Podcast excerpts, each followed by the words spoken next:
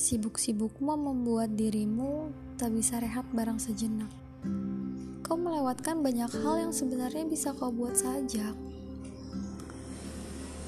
Dari Sena Aditya dalam berharap waktu diulang. Jadi dari kali kata-kata ini aku berharap bahwa ya sesibuk-sibuknya kamu, setidaknya kamu memberi kabar bahwa kamu masih tetap baik-baik saja dalam segi perasaan dan juga kesehatan.